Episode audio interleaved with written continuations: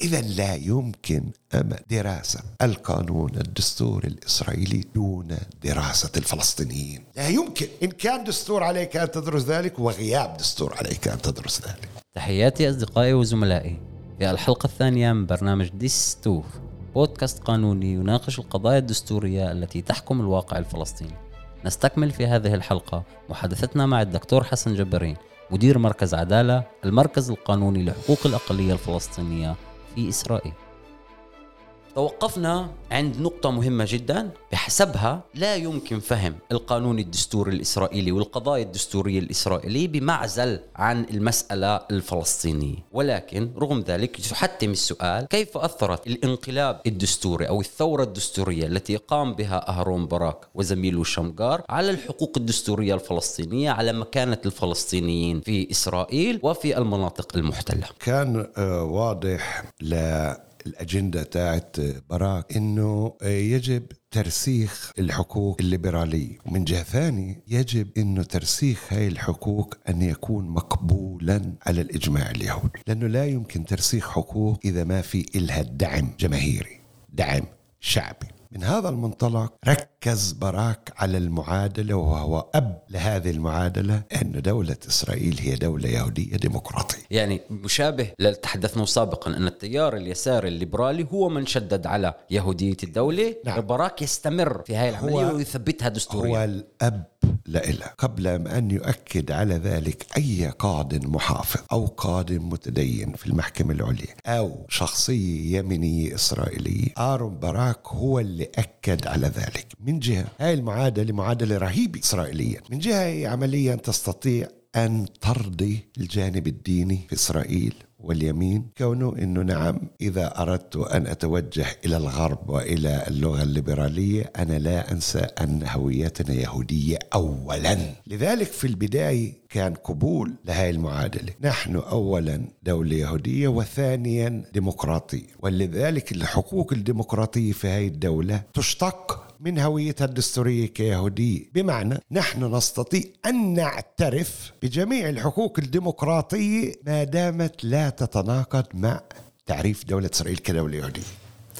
لذلك آرون باراك أول شخصية سياسية وقانونية إسرائيلية عرف ما هي دولة إسرائيل كدولة يهودية. بن غوريون لم يعرف ذلك. مناحم بيجين لم يعرف ذلك. آرون باراك هو الذي عرف وقال دولة إسرائيل هي دولة يهودية بمعنى أنه عليها أن تحافظ على أغلبية يهودية تحترم العادات والتقاليد الدينية اليهودية قانون العودة هو قانون مركزي أعيادها وأيامها يهودية واللغة العبرية هي اللغة المركزية. هذا التعريف لدولة إسرائيل كدولة يهودية أخذ إجماع جميع القضاة وافقوا عليه وأنا لا أعرف لغاية اليوم شخصية سياسية مركزية تعارض هذا التعريف. هذا التعريف بآرون باراك أين بأي قرارات أوضعها؟ انتبه قرارات المركزية اللي عالج حقوق العرب وأهمها قرار بخصوص قعدان وقرار بخصوص شطب التجمع وعزم بشر اللي بفهمه اللي انت بتقوله انه الثورة الدستورية والانقلاب الدستوري الليبرالي لم يقوي فقط الجانب الليبرالي في القانون الدستوري الإسرائيلي إنما أيضا قونا وركز الجانب اليهودي. طب. والجانب اليهودي يظهر في القضايا التي تخص حقوق الفلسطينيين. صحيح ولكن الفلسطينيين في هذه المعادلة هم نوعين. النوع الأول الذي يخص المواطنين مساواة المواطنين الفلسطينيين تكون شرط الا تتناقض يتناقض مع تعريف دولة إسرائيل كدولة يهودية وفقا لما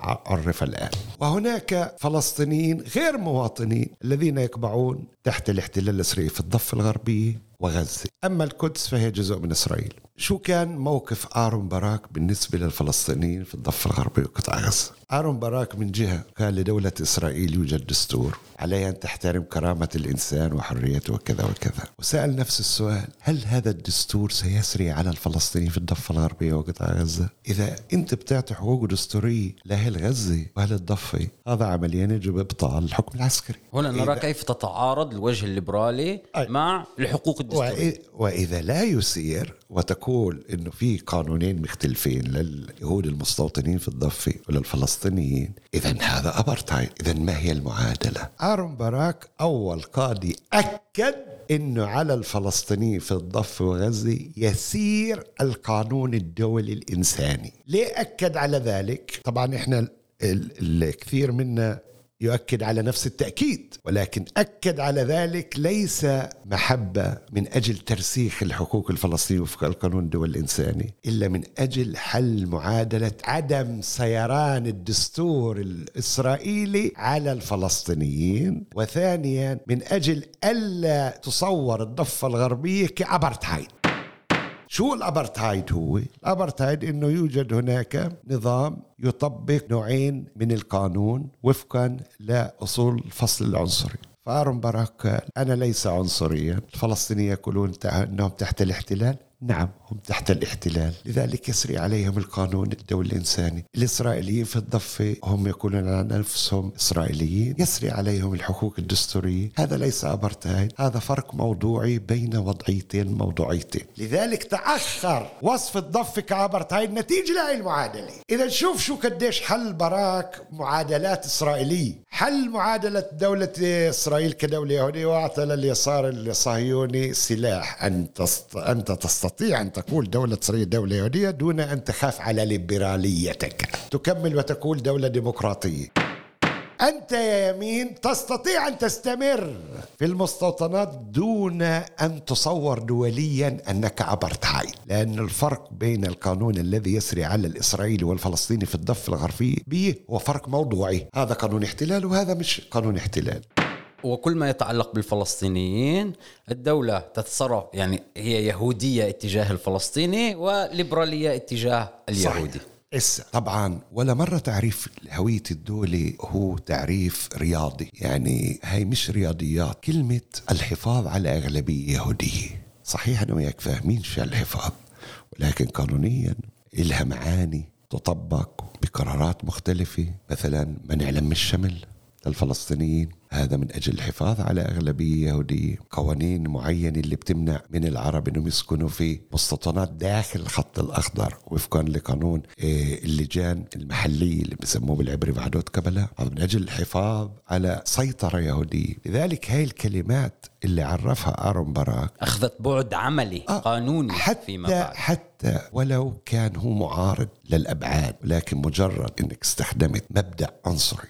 الذي يقول الحفاظ على أغلبية يهودية في بلد اللي فيها يهود وفلسطينيين. أنت حولت الوجود الفلسطيني كإشكالي. يجب محاربة. وتحاول تشكيل الديموغرافيا والجغرافيا من خلال هذا. بالضبط. فلذلك حتى لو كانت نواياه مش بعيدة إنها تصل إنه لأنه كان هو معارض لقانون آه، منع لم الشمل ولكن لا تستطيع أن تؤكد على يهودية الدولة بهذا المفهوم مهما كانت نواياك بدون أن تصل إلى الحل العنصري. والقمة تاعت الحل العنصري كان القانون القومي. ولكن قبل القانون القومي بعدها إيش حصل؟ أمل. آرون باراك أكد على يهودية الدولة وديمقراطيتها في سنوات الألفين بعد صعود أرييل شارون ونتنياهو اليمين أصبح يقونن قوانين من أجل تأكيد دولة إسرائيل كدولة يهودية ويستخدم ذلك. أولا أصبحوا يشطبوا قوائم للقوائم العربية بلجنة الانتخابات باسم إنها تتناقض مع تعريف دولة اسرائيل كدولة هذا تراه أنت كاستمرار للثورة القانونية طبعا. والثورة الدستورية؟ طبعا. هذا لم يكن صحيح. حركة الأرض في الستينات شطبت ولكن لم يكن هناك قانون يأكد شطبت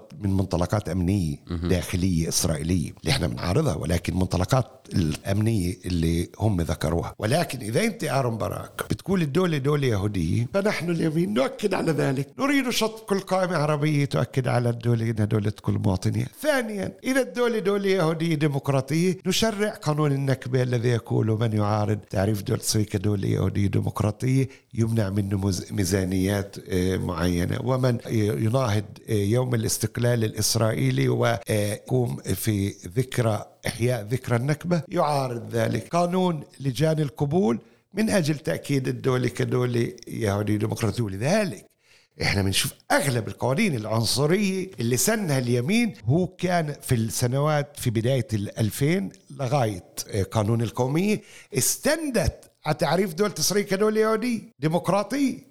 واستندت على الانقلاب الدستوري الثوري حتى قانون القومية يقول هذا يشمل جميع الأمور التي ذكرها آرون باراك بتعريف دولة كدولة يهودية ويسألون اليمين طب أين الديمقراطية؟ يقول أنا لم أمس بالديمقراطية موجودة. هذا القانون بس اتطرق للدولة كدولة يهودية يعني هاي هاي الإشكالية عند اليسار الصهيوني. هاي الإشكالية المركزية. لذلك إحنا برضو الفلسطينيين عندنا إشكالية مركزية معهم. اللي هم عمليا هم أهل لترسيخ هاي الهوية. يعني بعد ما رسخوها وأكدوها اليسار الصهيوني أصبح يبكي ليه اليمين يسن ويشرع قانون النكبة وقانون لجان القبول وكذا وكذا وكذا. ناسيا أنه هو أول من وضع هذه المعادلة. ولكن إذا بتسألهم من المفكرين القانونيين اليساريين والليبراليين وجزء منهم كبير داعمين لقضايانا إيه، حول هاي المعادلة وهاي الأزمة اللي أوقعوا نفسهم فيها. تأخذ الجواب إنه لم نتوقع ذلك. وهاي جوابنا دائما بنقول إنه حتى أمرار إذا بيكون عندك نوايا معينة ولكن أحيانا تؤدي إلى جهنم وأنتم اللي أديتوا هذا الشيء جهنم وهذا النقاش الاحتداد دائما بينه وبين اليسار الصهيوني. مع اليمين الإسرائيلي إذا أنت بتلاحظ ما في إلا نقاش. لا يوجد نقاش. لا يوجد نقاش. ليه إحنا عندنا نقاش مع اليسار الصهيوني وما عندناش مع اليمين؟ لأنه اليسار الصهيوني هو اللي بيحاول يتبنى نوعا ما وأكثر من كلمة نوعا ما الخطاب الليبرالي وخطاب الحريات. لذلك يقول لنا أنا وأنتم بيوجد بيننا قاعدة مشتركة إنه إحنا بنآمن في الحريات فتعالوا نناقش مع بعض. لذلك نصطدم في هوية الدولة والممارسات. مع اليمين اليمين لا يبدأ من ذلك. يقول اليمين أنا قبل أن أكون لا قبل أن أكون ديمقراطي وقبل أن أكون ليبرالي أنا أولا يهودي وهذه أرض إسرائيل أرض يهودية ولا حق للفلسطينيين. ولا حق لأي شعب آخر في تعريف نفسه أو في وطن قومي في طبعاً. هذه البلاد. طبعا لذلك ما في هناك قاعدة للنقاش. وهذا اليوم إذا بتشوف الخلاف بالسياسة العربية عندنا بين السيد منصور عباس والقائمة المشتركة هو على نفس الخلاف. يعني إنه آه، السياسة العربية دائما كانت مبنية على إيجاد الأشياء المشتركة فقط مع اليسار. الصهيوني مهم. على أساس الحريات وال- والمبادئ لذلك. منذ ال 49 دائما كانت التحالفات تكون في الكنيست مع اليسار الصهيوني ضد اليمين. تحالفات تكتيكية واستراتيجية. آه. فمنصور عباس عمليا قلب المعادلة وقال بالامكان التحالف مع اليمين. فلذلك أصبح هذا النقاش نقاش جذري. يعني لأنه عمليا مع اليمين اجمالا والسياسة العربية البرلمانية اللي هي تقريبا السياسة العليا الموجودة عندنا رفضت إنه يكون أشياء مشتركة مع اليمين. ولكن برضو السيد عباس بيقول بالضبط مثل أنا وياك أمل كان نقدنا إسا على آرون باراك هو نقد عباس. يقول إذا آرون باراك الليبرالي هو الذي أكد على يهودية الدولة وهو الذي أدى إلى قوانين عنصرية حتى لو لم يتوقع ذلك باسم يهودية الدولة. إذا بالنسبة لي لا فرق بين اليسار واليمين. اليمين يؤكد على ما أكد عليه اليسار. فهاي هي دائما النقاشات اللي بين يعني نقاش حول الهوية هو برضه بتطرق للسياسة العليا. أبعاد سياسية طبعا. إذا نلخص هذا المحور فهنا بنقول أه، بفهمه من حديثك إنه الانقلاب والثورة الدستورية على الرغم على إنها أسست لا وجود دستور أولي لاسرائيل ولكن هذا الدستور لن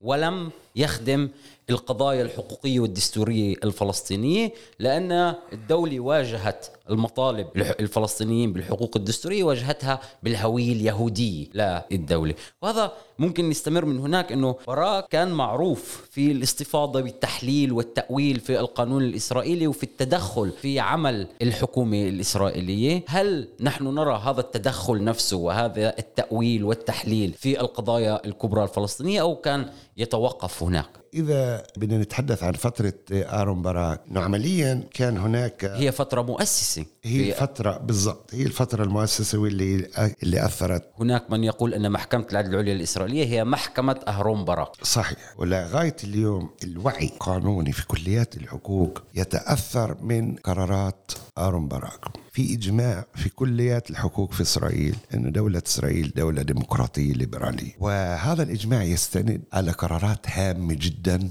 أعطاها آرون باراك بفترة بين 1994 لل 2000 يعني عمليا ست سنوات. بهاي الفترة آرون باراك أصدر قانون منع التعذيب قرار محكمي بمنع التعذيب. وعمليا رغم أنه التعذيب استمر ولكن هذا القرار بالمجال الرسمي يعتبر قرار ثوري. ليه؟ لأنه هذا أول قرار لدولة لمحكمة في دولة تعترف أن الدولة تعذب وبنفس الوقت تمنع التعذيب. مع أنه خلت فتحة لاستمرار التعذيب نضع ذلك جانب. قرار آخر لهارون باراك كان أنه ممنوع استعمال ناشطين من حزب الله وقياديين من حزب الله كرهائن من أجل المفاوضات والمساومة من أجل إرجاع جثة جندي إسرائيل. لهذا القرار كان صدى كبير في الساحة الإسرائيلية والدولي.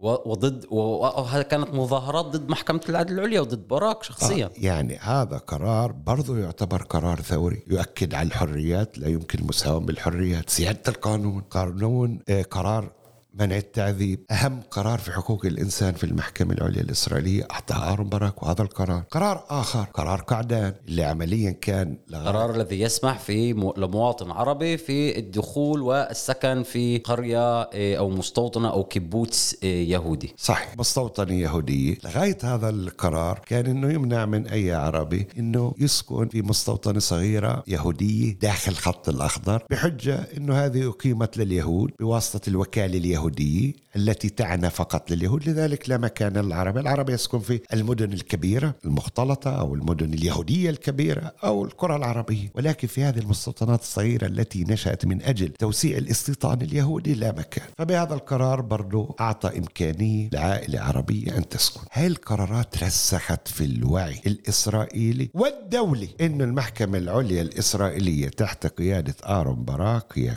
محكمة ليبرالية وتقدمية وجريئة. أين تتوقف هذه الجرأة؟ لا لم يكن فحص للقضايا الاحتلال اللي كانت في هذه الفترة للمحكمة العليا. يوميا تؤكد على أوامر هدم البيوت من قبل الجيش تؤكد على أوامر الاعتقال الإداري من قبل الجيش. ولم يكن هناك أيضا انتباه دولي لأهم قرار أعطاه آرون باراك وهو قرار مبارك عوض دكتور مبارك عوض. هذا القرار دكتور مبارك عوض من المناضلين من أجل النضال السلمي. في الضفة وغزة والقدس اللي حاول يتبنى نضال غاندي من أجل إقامة دولة فلسطينية في الضفة والقدس وغزة. ولكن هذا حتى هذا المطلب لم يكون مقبول على يتحك شمير اللي كان رئيس الحكومة في الثمانينات ووزير الداخلية. فبما أنه مواطن أمريكي ومواطن مقدسي. فسحب. هويته المقدسية وتوجه للمحكمة العليا. وهذه أول مسألة مركزية بخصوص مكان القانوني لأهل القدس. لا يوجد قانون في إسرائيل يقول أنه الفلسطينيين في القدس هم مقيمين وسكان. لا يوجد قانون يحدد هذه الهوية أو هذه المكان. فقرار محكمة آرون باراك قال أنه أهل القدس هم مقيمين ويسري عليهم قانون الدخول لإسرائيل الذي يعطي إقامة دائمة. مع أنه قانون الدخول لإسرائيل هو قانون بيدخلوا البلاد الغرباء. فلذلك كان تعامل غرباء من دول أخرى. آه وكأنه أهل القدس يدخلون إلى إسرائيل بدل ما نتصور أن إسرائيل دخلت إلى القدس. وكمل في هذا القرار وقال لا يمكن سحب الإقامة الدائمة إلا بشروط معينة. وحداها مثلا إذا الشخص غير مكانة إقامته أصبح مكان إقامته المركزي في دولة أخرى بالإمكان سحب الإقامة. فبما أنه الملتمس في هذه الحالة هو أيضا فلسطيني وأيضا أمريكي وعايش في أمريكا ويحاضر في أمريكا فإذا بالإمكان سحب إقامة. بعد هذا القرار إسرائيل بلشت في transfer هادئ لسكان القدس في سحب الإقامات. كل من له بيت في الضفة أعتبر أنه غير مركز حياة كل من يدرس أو يتعلم أو في أي دولة خارج. على الرغم من أن إسرائيل لا تعترف بالضفة على أنها دولة. صحيح. ولكن كان خارج إطار القدس. إذا هذا القانون شق الطريق أمام سحب الهويات للفلسطينيين سكان القدس. هاي المرحلة اللي بنسميها ال transfer الهادئ الساكت. كان هناك سحب آلاف وما زال اليوم. يعني إحنا إحدى الإشكاليات المركزية للمقدسيين هي سحب الهويات. لأنه سحب الهويات هي عمليا طرد إبعاد. وهذا يتعارض مع الأعراف الدولية ومع القانون. طبعا.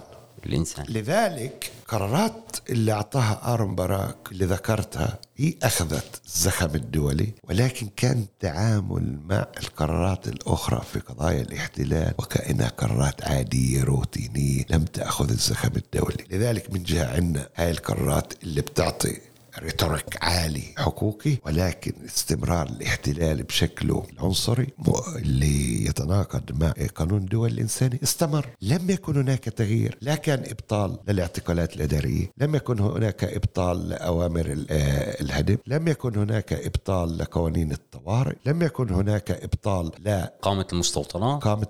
لذلك لم يتغير شيء. ولم يكن هناك إبطال لمكانة الفلسطينيين في إسرائيل إنه حقوقهم بالمواطنة بمفهوم الضيق على الأقل آه، مشابه آه، لليهود بمعنى أنه يحق له أن يقوم بعملية لم شمل مثل ما يحق لليهودي. لم يتم إقرار مبدأ المساواة.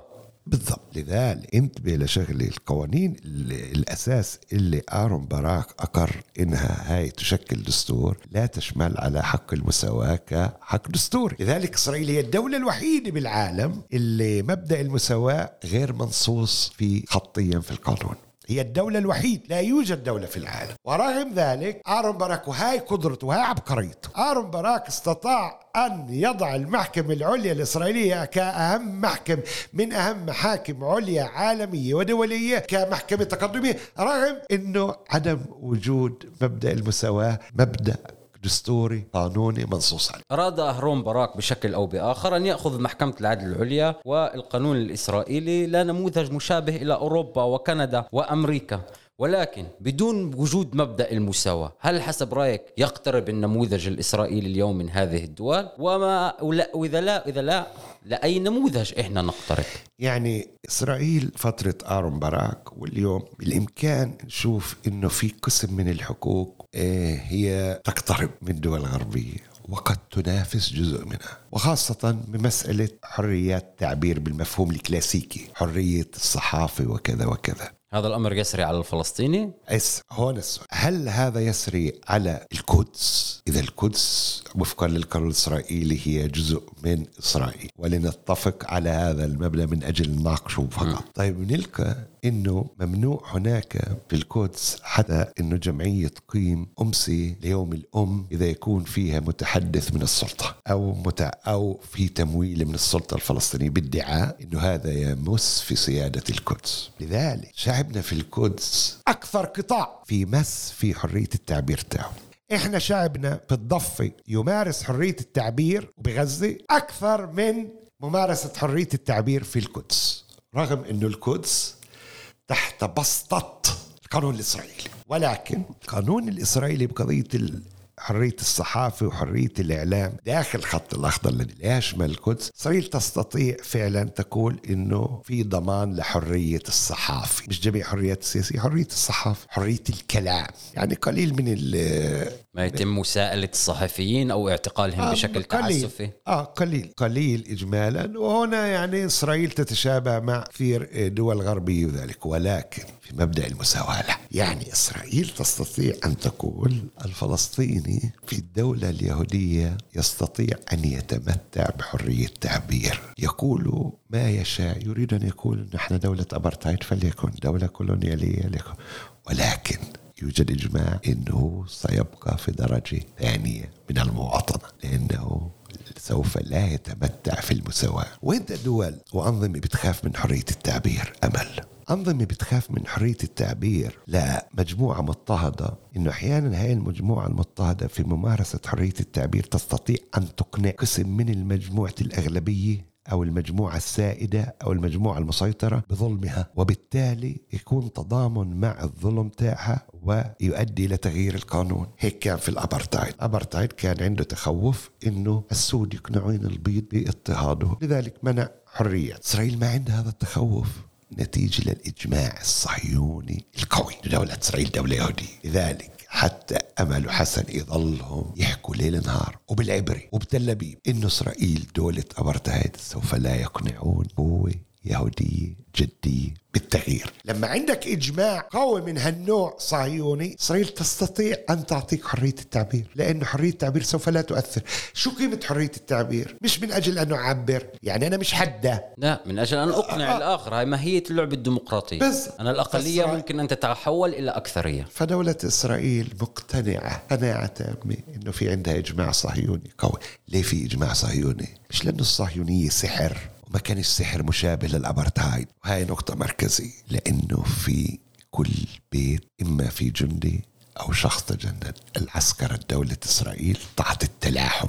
يعني دولة إسرائيل كدولة عسكرية هي دولة تلاحم. يعني الأيديولوجية هي أيديولوجية تلاحم. هي ليس أيديولوجية عادية. يعني نحن وهم مبني ليس فقط لكوننا يهود هم عرب. لكوننا إحنا يهود في معسكر عسكري واحد نعرف من هو الصديق ومن هو العدو وهم يقعون ده في خانة العدو في نهاية المطاف. إذا العربي مهما كان انتمائه هو في خانة العدو. ليه؟ لأنه هاي العقلية العسكرية هي اللي بتأسس ذلك. لذلك ما في خوف إنه العربي يمارس حرية التعبير مارس للصبح. لذلك إحنا حدا. يعني إحنا بنظر إسرائيل إحنا بدكم في الكنيست وقف على منبر الكنيست وقول امدح حماس. لا تعتقل في حصانة برلمانية ولكن مستحيل إنك تكون مؤثر في السياسة الإسرائيلية. الدولة العسكرية والأساس العسكري القوي اللي على أساسه يجتمع الكوليكتيف المجموع الإسرائيلي يجعل الإسرائيلي الدولة الإسرائيلية متأكدة أنه لا يمكن تغيير هذا الإجماع بالطريقة الديمقراطية وعن طريق التعبير عن الراي اذا فحرية الرأي هي مسموحة وهناك تشابه بين الحق في حرية الرأي والصحافة مع الدول الأوروبية. صحيح. أينما الاختلاف يقع في الحق في المساواة هل ممكن أن يكون دستور عادل بدون وجود حق للمساواة؟ لا طبعا. اولا يعني وجود الدساتير هو انوجد من أجل إنه يكون مساواه أمام القانون. يعني هذا الهدف الأساسي من وراء الدستور هو أن يضمن آه المساواه إذا ما في مساواه أمام القانون فبالإمكان انه تكون دكتاتوريه ويكون ملك حكم ملكي إيه، حكم آه، لنبلاء حكم لمجموعة معينة. ولكن من أجل ألا يكون حكم لمجموعة معينة كانت مجموعة نبلاء أو مجموعة أمراء أو مجموعة تعتبر عائلة ذات جذور ملكية. نجل ألا يكون ذلك جاءت الدساتير نجل أن تؤكد على مبدئين. سيادة القانون والمساواة أمام القانون. المساواة أمام القانون معناها لا يحق لمجموعة أن تحكم مجموعة أخرى. فلذلك ما في دستور في العالم حتى فترة الأبرتايد لم يشمل على مبدأ المساواة كمبدأ دستور. دولة إسرائيل هي الدولة الوحيدة في العالم المساواة مش مبدأ منصوص عليه. سئل وزير العدل سابقا دان ماريدور اللي كان هو من واضعي قانون أساس كرامة الإنسان وحريته في بداية التسعينات. ليه القانون لم يشمل على مبدأ المساواة؟ فقال إيه، بشكل امام طلاب في إحدى الجامعات الإسرائيلية وبشكل صريح ونزيه قال أنتم بتعرفوش إنه ما فيش أغلبية في الكنيسة لتصريح اللي بقول كل بني آدم متساويين. حتى لهذا التصريح ما في أغلبية في الكنيسة. والإجماع الإسرائيلي لا يتضمن آه هذا. يعني لذلك ما في إجماع على مبدأ المساواة. حتى إذا سينص وقد يدخل يعني في نصوص معينة مبدأ المساواة ولكن راح يكون واضح إنه مربوط في تعريف دولة إسرائيل كدولة يهودية. يعني مثلا مبدأ المساواة كان منصوص عليه بفترة الأبرتايد. الدستور. تاع الابرتايد ولكن مبدأ المساواة كان منوط ومربوط في مبدأ الأبرتايد اللي وفقا لمبدأ إنه كل مجموعة تعيش بمساواة بشكل منفصل عن مجموعة أخرى. يعني مبدأ المساواة هو كل واحد لدينه لكم دينكم ولي دين. ذلك كان مبدأ المساواة. إذا مربوط في هذا التصور وبهذا نصل أصدقائي إلى نهاية محادثتنا مع الدكتور حسن جبارين. حاولنا معا أن نستعرض مدخلا إلى فهم القانون الدستوري الإسرائيلي بأعين فلسطينية. يسعدنا أن نتلقى تعليقاتكم وملاحظاتكم عبر صفحة البرنامج وحتى الحلقة القادمة. لعله